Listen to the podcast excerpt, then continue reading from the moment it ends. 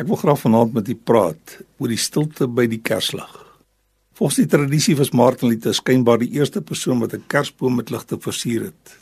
Terwyl hy een aand huis toe gestap het en besig was om binne sy Kerspreek te oordink, was hy in verwondering oor die glans van die sterre wat tussen die immergroenbome deurgeskyn het.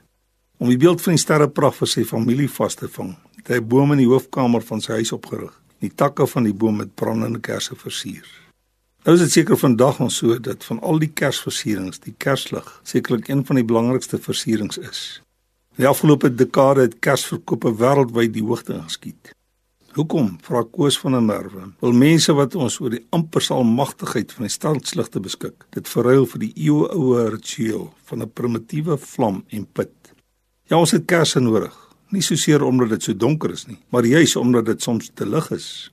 So word daar gewonder oor ligte wat helder skyn. Dit is ook kerkligte. Geloof wat te veel antwoorde het, moet liefs 'n paar ligte afsit en 'n kers of twee aansteek. Want 'n kers weet dat sekere vrae nie antwoorde het nie, veral nie aan hierdie kant van 1 Korintiërs 13 se wasige spieelraaisel nie. Soms kom jy hart op 'n plek waar jy nie vir sy vrae antwoorde het nie. Dan steek jy 'n kers op. Dit maak jou nederig. En so sy bietjie lig, onthou jy dat jy min weet, dan ontvang jy raad van bo. Ons antwoorde is meestal te vinnig, te maklik en te duidelik, maar aanbidding is meer soos 'n kers. Dit is stadiger en dis mooier en inniger.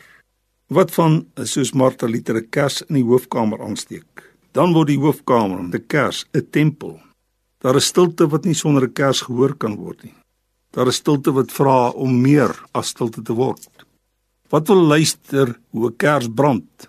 So stilte is meer as niks toe nie, meer as klankloosheid nie. Dis 'n stilte waarin jy skielik vermoed jy's nie alleen nie. Vir 'n oomblik wil jy eerder die ware lig aansit en jy weet Christus wat saam met jou is, wil nie jy moet haastig wees nie. Dis stil en dan in die kerslig begin 'n ander lig te skyn. Die Here se waarlikheid, soos die Griekwa sê, en waarvan die engele gesing het. En dan skyn hy met sy genade tot in die donkerste hoek van jou hart. Miskien moet jy nou stil by jou kersie gaan sit en sy genade onverdiende guns alleen ervaar.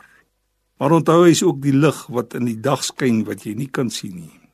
Daarom wens ek jou toe 'n verligte Christusfees. Amen.